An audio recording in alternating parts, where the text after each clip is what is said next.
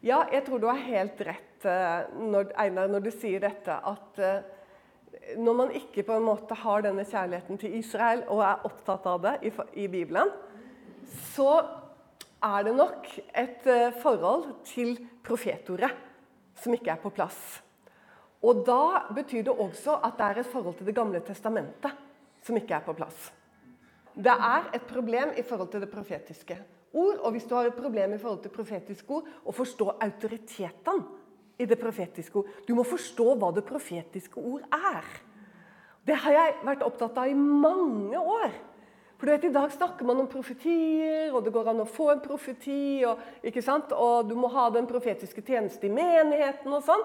Men du vet at alt slikt må evalueres på Guds ord og i bønn. Men så er det noe som er evaluert og prøvet. og det er det profetordet her, som er på en helt egen eh, nivå eh, i forhold til alt annet profetisk som vi kunne tale. Fordi det er slik som det står skrevet, at Gud talte, og det skjedde. Sant? Han bød, og det sto der. Jeg har sagt det mange ganger i forhold til det profetiske. Og det er viktig at vi forstår den absolutte autoritet som ligger i profetordet. Det beste stedet å gå for å forstå hvor nøyaktig Gud er med det profetiske, det er Jesus Kristus selv. For hvordan han oppfyller alle profetiene så langt han skulle med sitt første komme.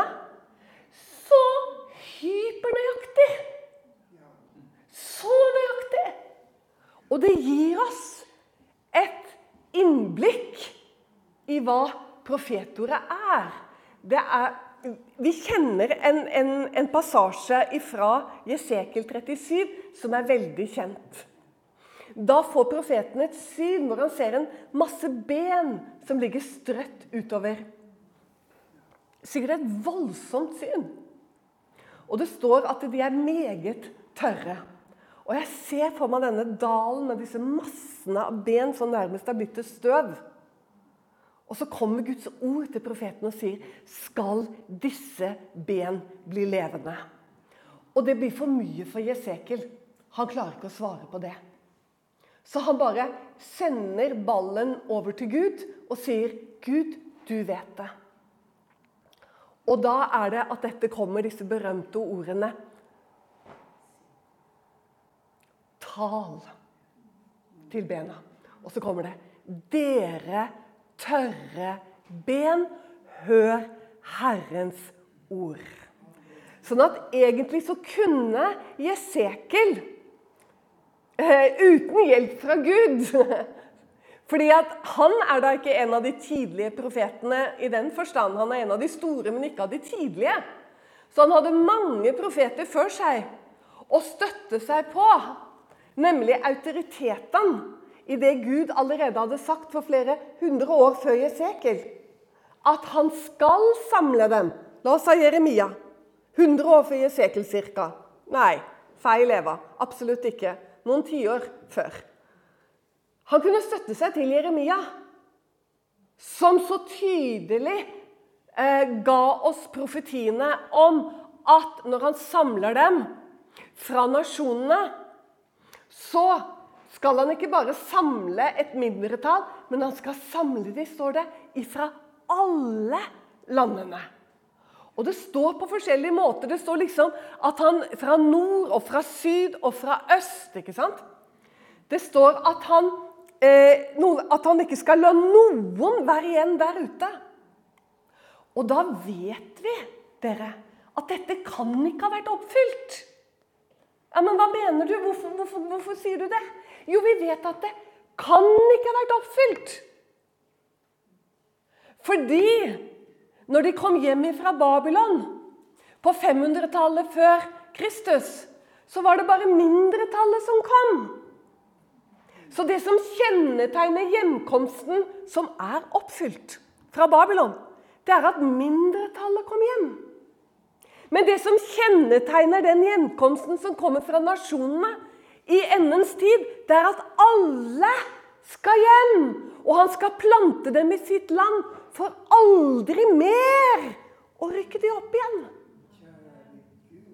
Det, hvis du da har forstått at det ord som er talt ut av Guds munn via hans profeter i denne boken her, er på nivå med at han talte, og da det skjedde, han bød, og du sto der, så vet du Hør du hva jeg sier? Du vet at han skal bringe det hjem for aldri mer å spre det igjen. Derfor, når denne biskopen, som jeg hørte for en, kan ha vært en 10-15 år siden nå, i beste sendetid på Dagsrevyen, fikk en mikrofon plutselig rettet opp imot sin munn. Og da kommer dette 'du skal være rede i tide og utide', hva? Fordi det var snakk om eh, Alia og denne tilbakekomsten og sionismen. Egentlig med litt negative fortegn på Dagsrevyen. Så plutselig så får biskopen denne mikrofonen opp til sin munn. 'Biskop, dette at jødene kommer hjem nå fra hele verden, er ikke det Bibelen, da?' Og hør hva biskopen sa. Det har ingenting med Bibelen å gjøre.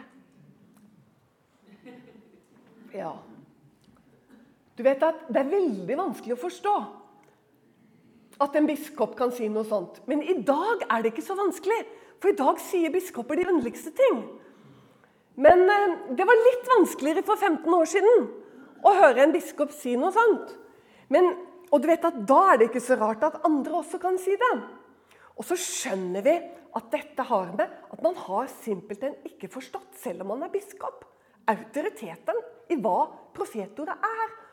Og hør nå Det har med en tradisjon og et syn på Det gamle testamentet som selvfølgelig man kan si i dag Og det det er litt godt å si. Jeg tenker at det er foreldet. Det er foreldet, ikke minst nå med den messianske bevegelse i Israel, som gir lys til de gamle skriftene og knytter broene en masse for oss alle sammen. Eh, som eh, gleder oss over den åpenbaring som i dag kommer ut fra Israel. Så det har vært i mørke og i dvale her i eh, hva skal du si, Europa og i Vesten i altfor mange år. Selv om det selvfølgelig har vært tider med lys, hvor profetiene har blitt talt. Og eh, dere Det var faktisk kanskje enda bedre hvis vi går en 60-70 år tilbake i tid og 80 år tilbake i tid, enn det er i dag. Forståelsen faktisk over profetienes betydning. Og det virker som at når det har vært vekkelse, skikkelig vekkelse i Guds menighet, da kommer på en måte også forståelsen av Skriftene. Og Det er ikke rart, for Jesus sa jo det. Hvorfor går dere vill? Fordi dere ikke kjenner Skriftene, og heller ikke Guds kraft. Dette dere, det var bare en innledning. Men det er viktig på ethvert Israel-møte for meg å på en måte legge grunnvollen. Og det har vi i det profetiske ord. Vi har det selvfølgelig også i paktene i Bibelen. Men jeg liker å bruke profetordet, for det står så suverent. eh, og det bevises gjennom profetordet. Paktene kan vi sitte og diskutere, eh, selv om det er klart nok når vi kommer til Abrahamspakten. Men når vi er i det profetiske ord, så er vi der hør nå, hvor Gud beviser. Og det er det han har brukt profetordet til. Og det er derfor det er så trist at man ikke har sett det. Ja, Men Eva, driver Gud med beviser i den forstand? Ja, han gjør det i sin forstand. Så bruker han bevis. Vi er ikke så vant til å tenke bevis. Men Guds profetiske ord er ment som bevis. For ingen annen kan tale nøyaktig og la det skje om det er ett år ti år, 100 år, 1000 år Det har ingen betydning. Det som er, er at når Gud har talt, så må det skje. Det må bli kjøtt. Og Derfor så er jeg så glad i denne passasjen fra Jesekel 37, hvor du ser ikke sant, at Hør! Dere tørre ben, hør Herrens ord! For det er egentlig profetordets natur. Å bli kjøtt å bli levende og bli virkelig. Så det er ikke lite man ikke har fått med seg hvis man ikke gir akt på det profetiske ord, som Peter sa, og som vi kan lese. I 2. Peters brev, første kapittel, så sier Peter på slutten av det kapittelet Dess fastere har vi det profetiske ord, som dere gjør vel i å akte på. Ja, vil da en eh, som eh, står for dette her, at eh, profetordet i Gamle testamentet er ikke noe menigheten skal beskjeftige seg med. Dvs. Si at det er oppfylt til Kristus. Da vil jeg si til den personen at ja vel, er det da slik at du ikke tror at Jesus kommer igjen? Og det blir jo fryktelig vanskelig å svare ja på. For det står jo til og med i trosbekjennelsen. Jeg skal gjerne telle en gang. Men jeg vet, fordi jeg jobber så vanvittig mye med Bibelen, så vet jeg jo at det er uendelig mye som står uoppfylt. Og Tenk da hvilken dårskap det er å ikke gi akt på det profetiske. Ja. Dere, la oss da gå litt videre og inn i selve materien. Og da har jeg lyst til å begynne i eh, Salme 2. Vi skal innom flere steder, men jeg begynner der. Og Det er en salme av David. Ikke at det står i salmen her, men det kan vi se i apostlenes gjerninger at det blir sagt av eh, Det er Peter, at, eh, for han siterer Salme 2, mener jeg. Jeg vet at det siteres, men at det er Peter. Eh, men jeg mener det er Peter. Og han eh, sier eh, at det er David. Jeg har alltid tenkt det, egentlig, så det var litt artig når jeg så det. Jeg så det veldig sent, faktisk. Eh, men jeg har alltid tenkt at det er David, for det, det er liksom noe sånn, det klinger litt David av den salmen. um, la oss bare lese den, da, og så skal jeg bare gå litt til enkelte vers her spesielt. Men la oss lese den, for det er ikke så lang. Og så er den så sterk. Hvorfor larmer hedningene? Og hvorfor grunner folkene på det som fåfengt er? Jeg har litt spesielle briller i dag, fordi de brakk i bilen. Sånn at dere vet det. Uh, og Vi hadde ikke tid til å stoppe på en bensinstasjon og gjøre noe med saken, men jeg kjenner at hvis jeg trykker den litt ned ytterst på nesetippen, så sitter de. Sånn at dere slipper liksom å sitte og humre for dere selv, så har vi liksom tatt den greia nå med en gang. Så ja, det er brekt, og slik ser det ut, men jeg tror det går bra. Hvorfor larmer hedningen og grunner folkene på det som fåfengt er? Jordens konge reiser seg, og fyrstene rådslår sammen mot Herren og mot Hans salvede. La oss sprenge deres bånd og kaste deres rep av oss. Han som troner i himmelen, ler. Herren spotter dem. Så taler han til dem i sin vrede, og i sitt harme forferder han dem jeg har dog innsatt min konge på Sion, mitt hellige berg. Jeg vil kunngjøre hva fastsatt er. Herren sa til meg, du er min sønn, jeg har født deg i dag. Plutselig taler Messias, Kristus, igjennom munnen på David. Hører du det? Jeg vil kunngjøre hva fastsatt er. Herren sa til meg, du er min sønn, jeg har født deg i dag. Begjær av meg, så vil jeg gi deg hedningene til arv og jordens ender til eie. Du skal knuse dem med jernstav, som en pottemakers kar skal du sønderslå dem. Og nå, dere konger, gå viselig frem La dere advare dere dommere på jorden. Tjen Herren med frykt og juble med beven. Kyss Sønnen. For at han ikke skal bli vred og dere gå til grunne på veien, for snart kunne hans vrede opptennes. Salig er alle de som tar sin tilflukt til ham.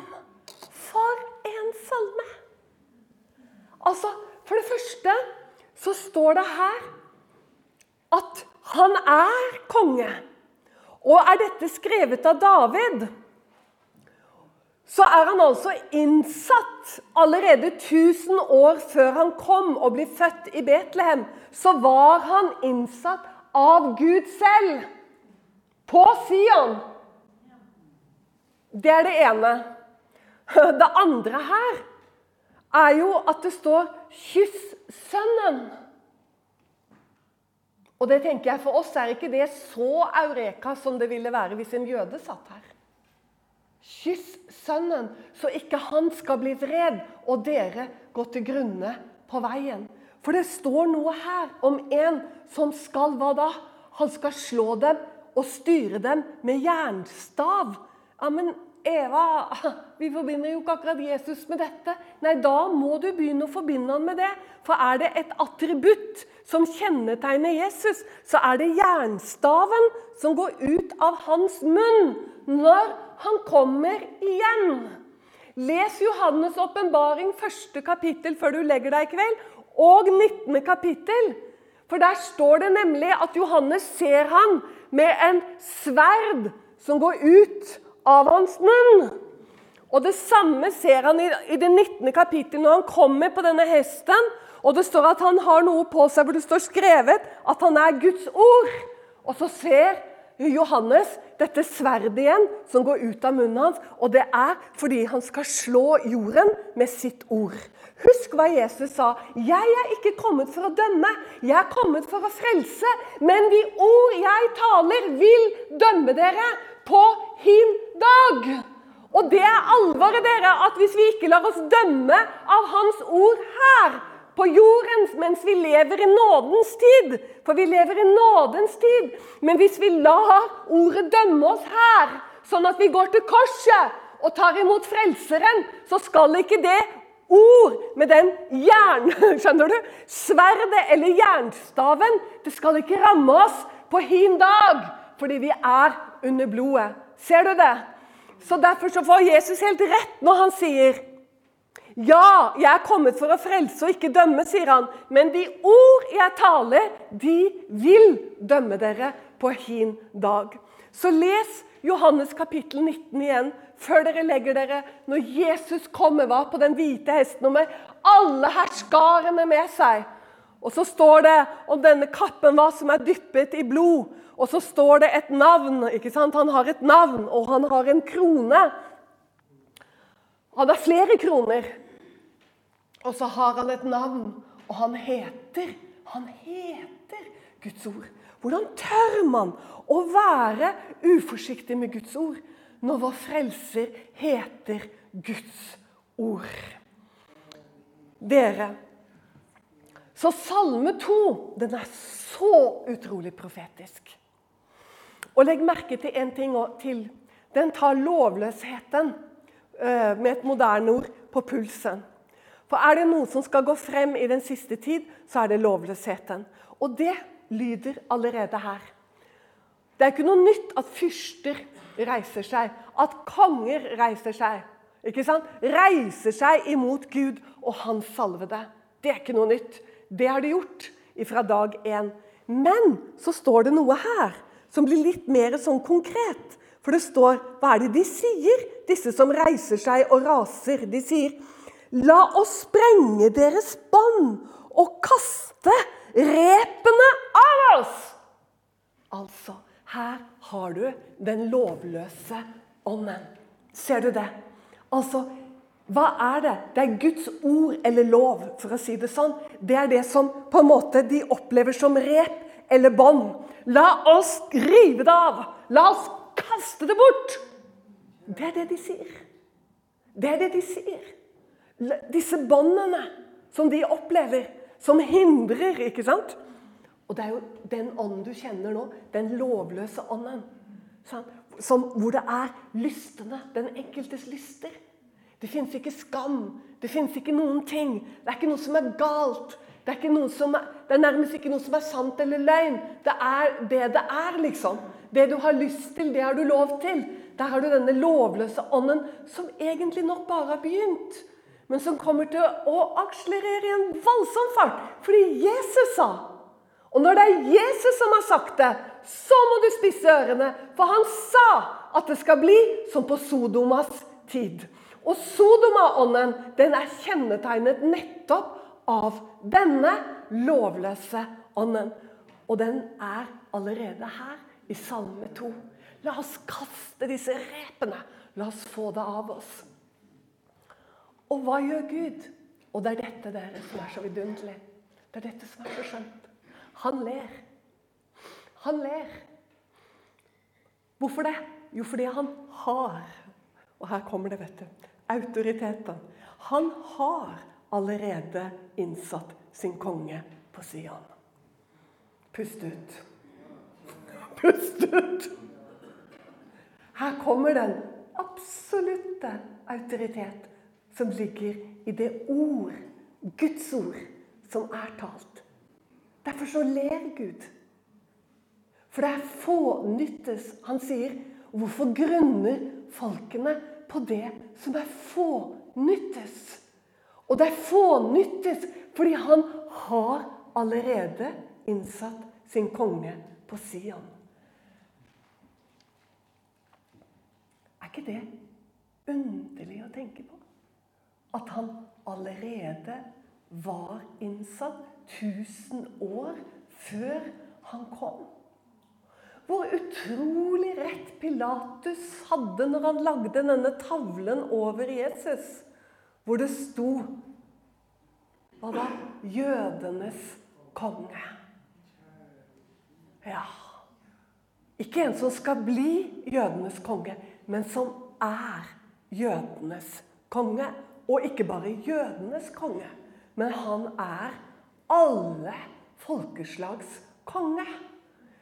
Enda i det usynlige. Men det er det vi bekjenner. Han skal komme igjen. Og han skal ta herredømme på jorden. Takk og pris. Hvor skjønt. Så det er bare en sånn vidunderlig åpning i Salme 2. Og hvis vi ser litt spesielt her nå i kveld på salme på vers 6 og 7 Som jeg har nå sagt flere ganger, men jeg vil bare at du skal høre det enda en gang til. Jeg har dog innsatt min konge på Sion, mitt hellige berg. Jeg vil kunngjøre hva fastsatt er. Herren sa til meg, du er min sønn, jeg har født deg i dag. Vet du at disse versene her sånn, disse ordene fra Salmenes bok, de ble gravd ut av hule nummer tre ved Dødehavet. De såkalte Dødehavsrullene.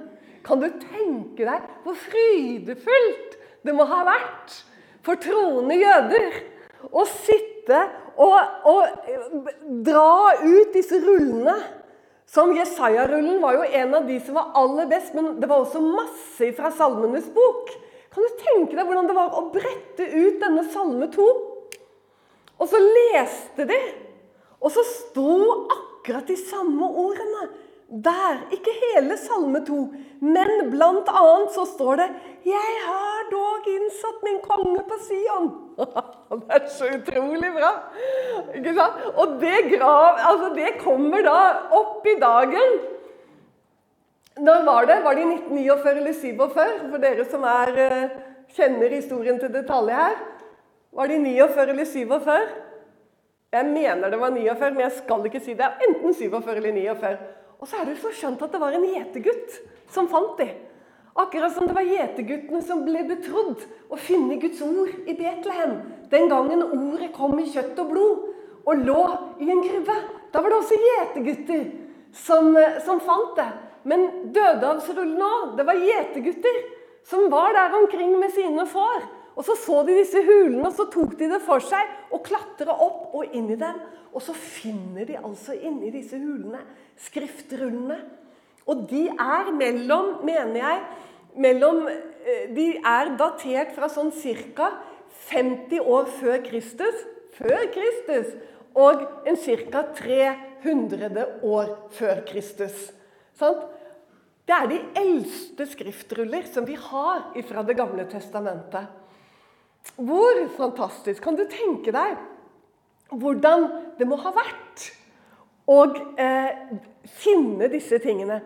I dag så er det jo et hav av beviser som de drar opp av jorda, også i Jerusalem, hvor de finner både bular, sånne leire, små leirklumper som de brukte til å feste på pergamentrullene som var bundet med tau, og så var de festet med sånne små leirklumper. Jeg har ikke noe bedre ord på det. Bula heter det. Og så hadde de stemplene da, om det var konger eller stattholdere eller eh, profeter som hadde stempler.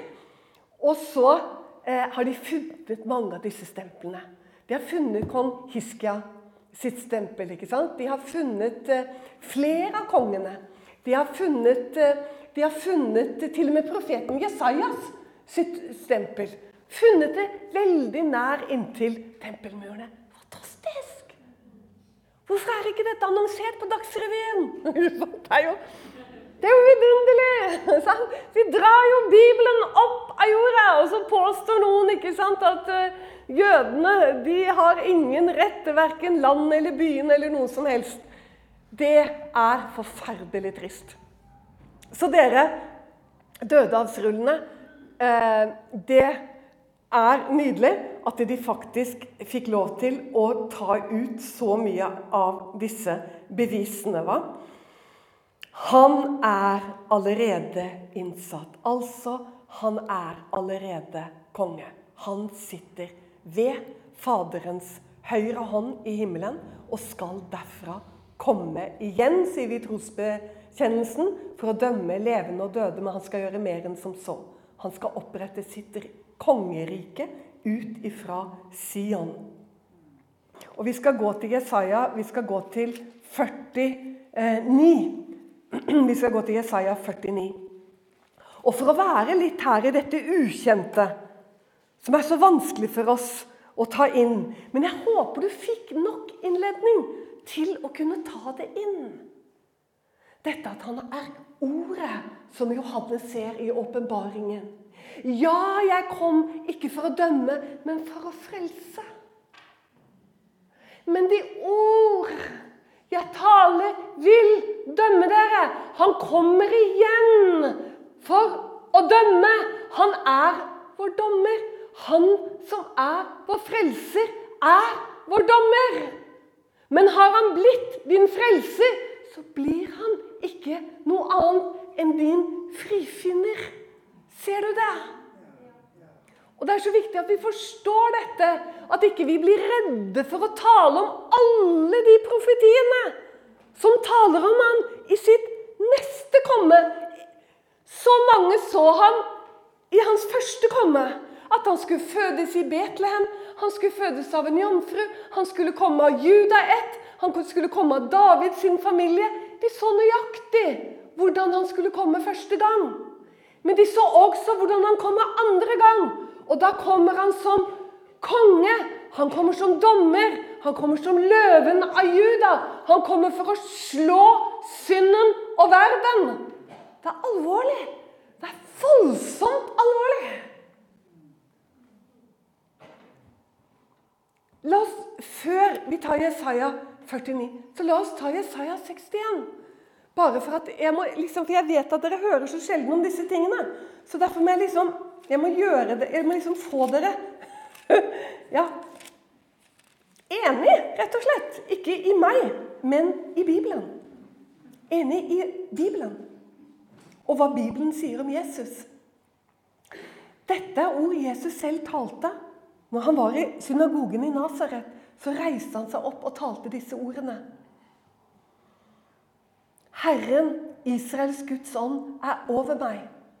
Jesus talte dette til en stappfull synagoge i Nasaret. Fordi han har salvet meg til å forkynne et godt budskap for de saktmodige. Han har sendt meg til å forbinde dem som har et sønderbrutt hjerte.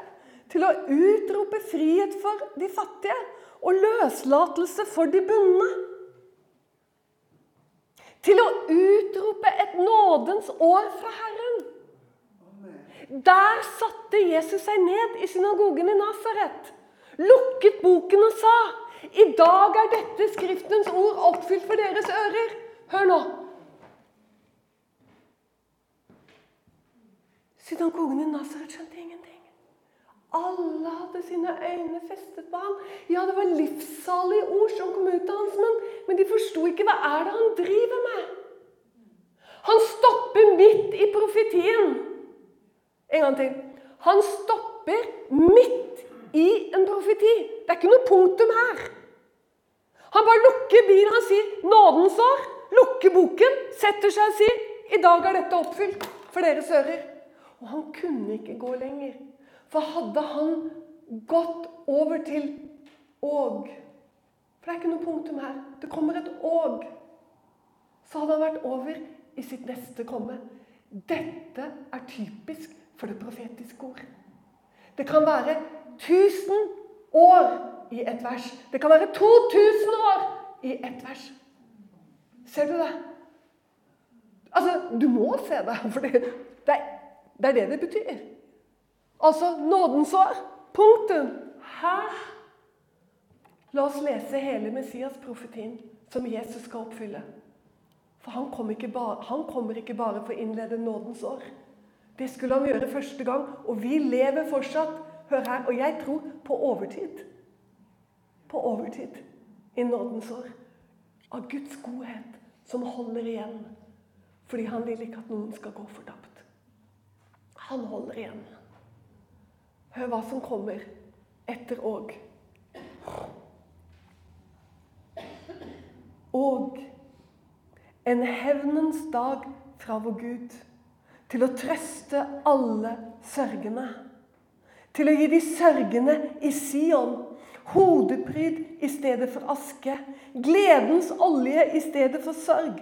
Lovprisningskledebånd i stedet for en vansmektende ånd. Og de skal kalles rettferdighetens terebinter. Herrens plantning til hans ære. Altså Han kommer. Ikke bare kommer han, men han sier jo Herren Israels Gud er over meg, for han har salvet meg. Så kommer alt det han sier i forhold til nådens år.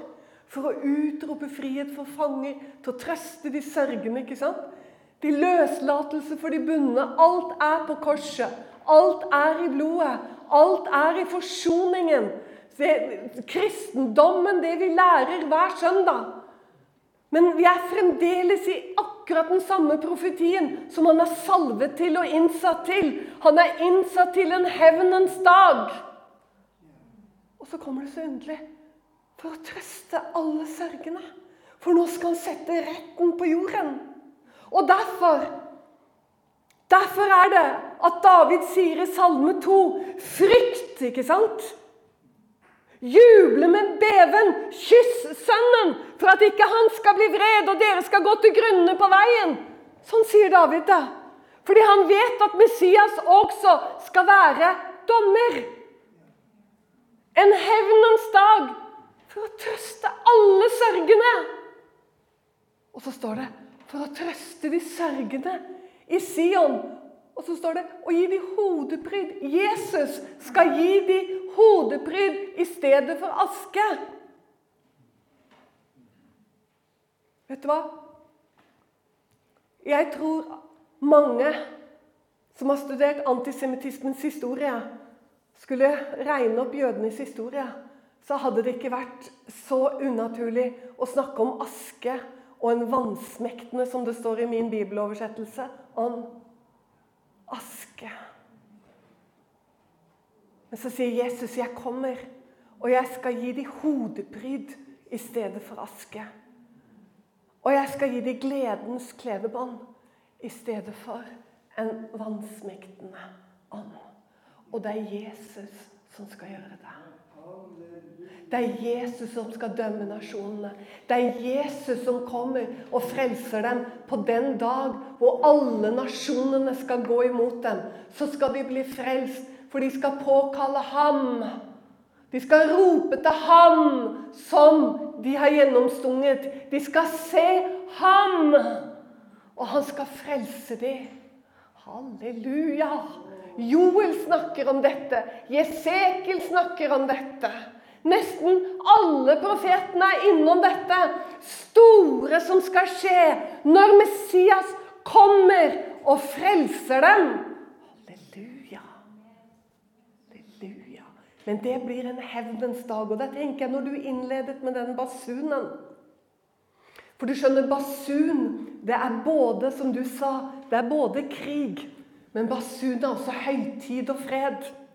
Og Paulus han sier det så flott vet du, i Tessalonikerbrevet.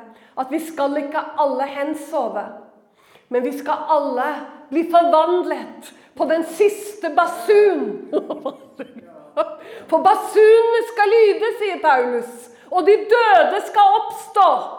Men du skjønner det, det er ikke for alle de basunene at det er en fredsbasun og en frihetsbasun og en gledesbasun. Det er det for Guds barn. Å, sant? Det er en gledesbasun. Det er en opprykkelsens basun. Vi skal alle bli forvandlet. Vi skal rykkes opp i et nu. Men da er det noe annet som kommer over jorden. Da kommer det et mørke over jorden som er det mørket som har gjort at Gud har dreid i 2000 år for at ingen, så få som mulig Sånn må vi si det, for vi vet at mennesker kommer til å gå fortapt. Men så få som mulig skal gå fortapt. Det er så underlig at når vi snakker om det, så er det sånn Det er så stille. Men hvis vi er stille om det, så har vi sluttet å forkynne evangeliet. For du har ikke noe evangelie uten korset. Og det har ikke noe kors uten fortapelse. Hør du hva jeg sier? For det er pga. fortapelsens realitet at Jesus hang på korset. For at det blodet, som Egyptens blod, det lyteløse lam, var et bilde på at alle som sto skjult bak blodet Når dødsengelen kom inn i Egypt, der gikk engelen forbi. Og Derfor så heter det påske eller pesar eller forbigang. Han gikk forbi. Og du skjønner det, at det er ikke noe evangelium hvor det ikke er noe fortapelse, hvor det ikke er noe dom lenger. Er man aldeles svimmel, hvis man har sluttet å tro at det fins en fortapelse, ta korset ned og steng kirkene, for du har ikke lenger noe evangelium. Noen må si det. Du har ikke lenger noe evangelie. Du har ikke noe budskap til folk. Det er ingen grunn til å ta imot Jesus. Et og drikk, sov og legg deg ned og dø, for det er slutt, og det er ikke noe mer. Det er stille. Og jeg kjenner at hjertet mitt gråter, for jeg vet at det er ikke sånn. For den sjelen du har, den er evig. Så det du må forberede, det er hvor den sjelen skal tilbringe evigheten. Skal den tilbringe evigheten i fortapelsen, eller skal den sjelen tilbringe evigheten hjemme? Hjemme! For det er hjemme, skjønner du. Du skal hjem til Gud som har skapt deg. Så du kan bare lukke kirken hvis du sitter og sier som prest at det ikke fins en fortapelse, for det er nok av dem. Er det ingen fortapelse, så er det heller ingen oppstandelse. Slutt å snakke om oppstandelse hvis det ikke er noen fortapelse. Ta Jesus ned av korset. Han har ingenting der å gjøre. Hvorfor skulle han lide for våre synder og dø? En så grusom død. Men det kostet ham livet. Det kostet ham blodet å frelse oss. Vi er fortapte evighetsvandrere. Du er ikke innskrevet i livets bok. For du skjønner, hvordan blir jeg det, da? Jo, det blir du med blodskrift. Du skjønner, du blir innskrevet med blodskrift. Han skal sitte på Sion. Les Salme 87. Denne er født der. Han skal sitte, står det. Les Salme 87 før du legger det. Gud skal sitte der med åpnede bøker. Og så står det 'Denne er født der'. Denne føtter. Denne føtter. Hvor da? På Sion, på Golgata, ble forsoningen en realitet over hver og en som har fått navnet sitt i disse bøkene. Så det er ikke sant at du går fortapt. Du er fortapt hvis ikke navnet ditt er innskrevet i boken. Slik står det. Den som ikke hadde navnet sitt innskrevet i boken, den går fortapt. Det er en realitet. Så dere, hvis vi ikke lenger snakker om fortapelse, da kan vi lukke denne Bibelen. Og så kan vi slutte å si at vi forkynner evangeliet, for det gjør vi ikke. Vi må begynne å forkynne syndens alvor, så folk forstår hvorfor Gud måtte betale en så høy pris. Men han har betalt prisen. Og du kan bli frelst hvis du sitter her i dag og ikke er det. Du kan bli frelst bare, bare, vet, bare, med, bare med en sånn herre røveren på korset. Herre, når du kommer i ditt rik, Herre, kom meg i hu. Herre, husk på meg. Du kan bare si i ditt hjerte 'Herre, du kjenner meg'. Er det sant, det hun står og sier nå? Frelst min sjel, Gud. Du kan bli frelst der nå. I et øyeblikk. Da blodet går over deg, og du er fri. Vil du gå ut som en fri person her i kveld? Hvis ikke du er frelst, så kan du gå helt fri ut. Du kan vite at du har fått navnet ditt innskrevet i livets bok. Gud har gjort det slik at ikke engang en dåre kan gå, kan gå fortapt. Ikke engang en dåre kan gå vill på den veien. Ingen. Halleluja. Og så er det ikke nok med det, men han har sett at han også den siste skal bli den første. De første skal bli de siste.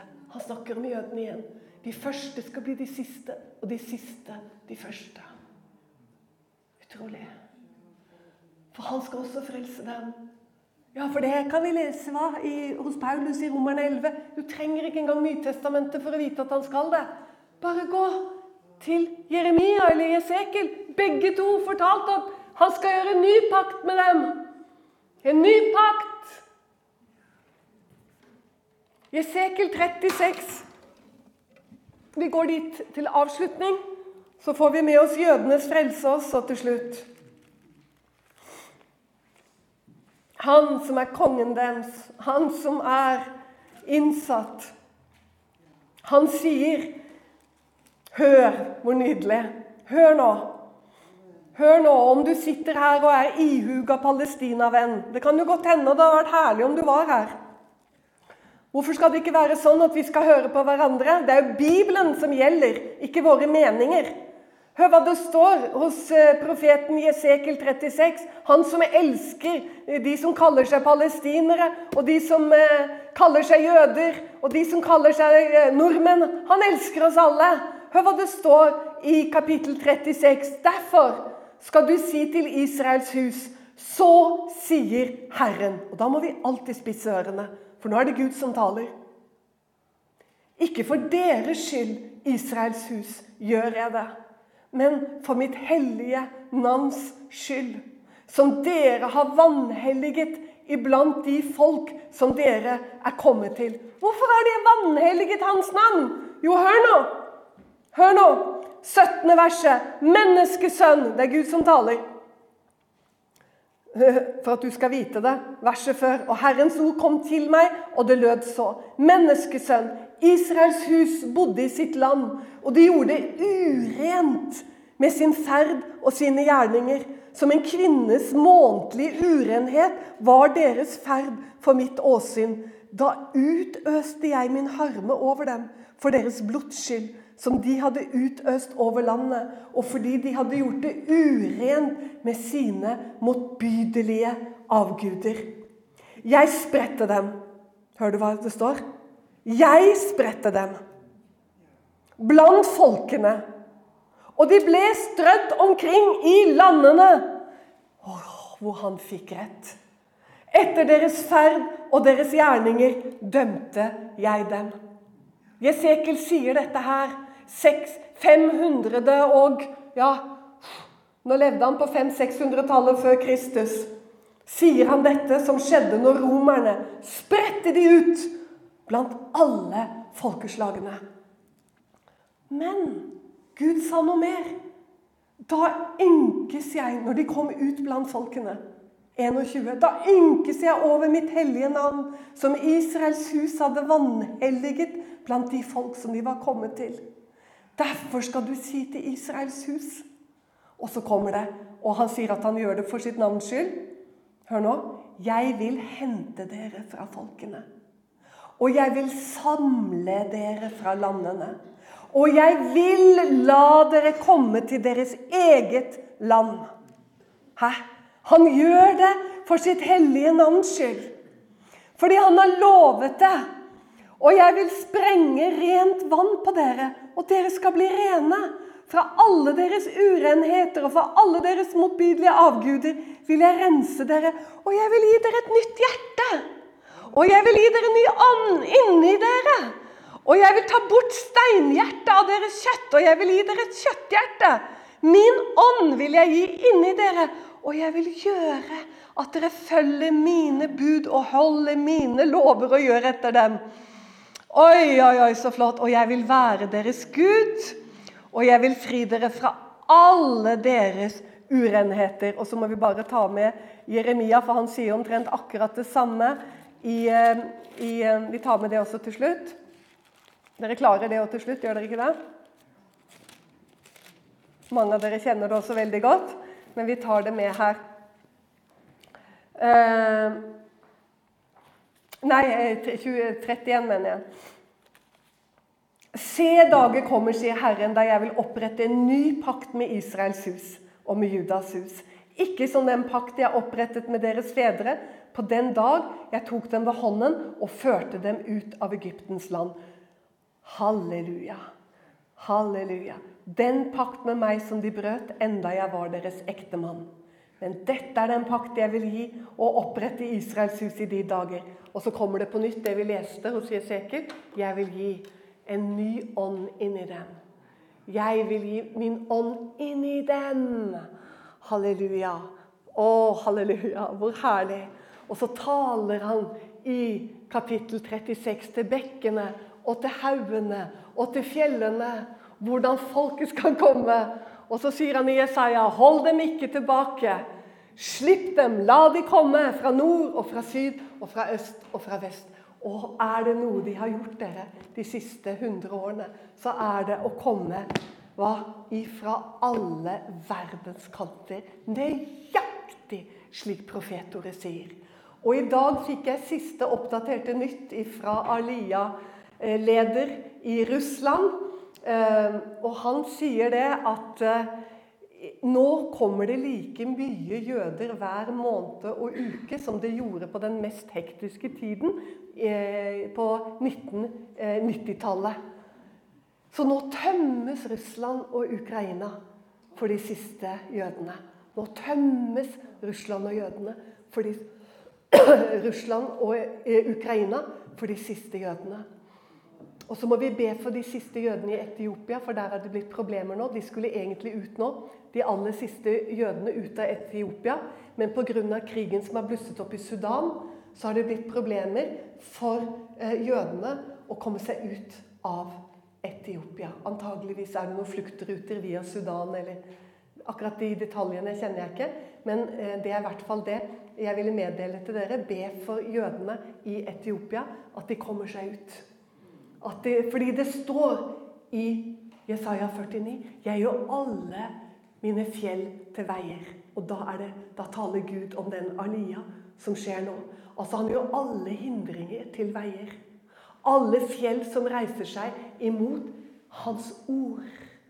At han fører de til og med tilbake. Hva som duer til sine hva? Han ser de kommer flyvende som duer til sine slag, til sine hus. De kommer fra hele verden. Å, Gud, vi priser og takker deg. Hvor vidunderlig er ikke ditt ord? Vi takker deg fra dypet av vårt hjerte, Herre. Du har sagt det, og du skal også gjøre det. Du er vår frelser. Du er vår frelser, Jesus. Vi takker deg. Du skal bli Israels frelser. Halleluja, Herre. Lovet være Herren, Israels Gud. Vi takker deg i Jesu Kristus. Stå med oss økonomisk og i bønn. Du finner oss på utentvil.com.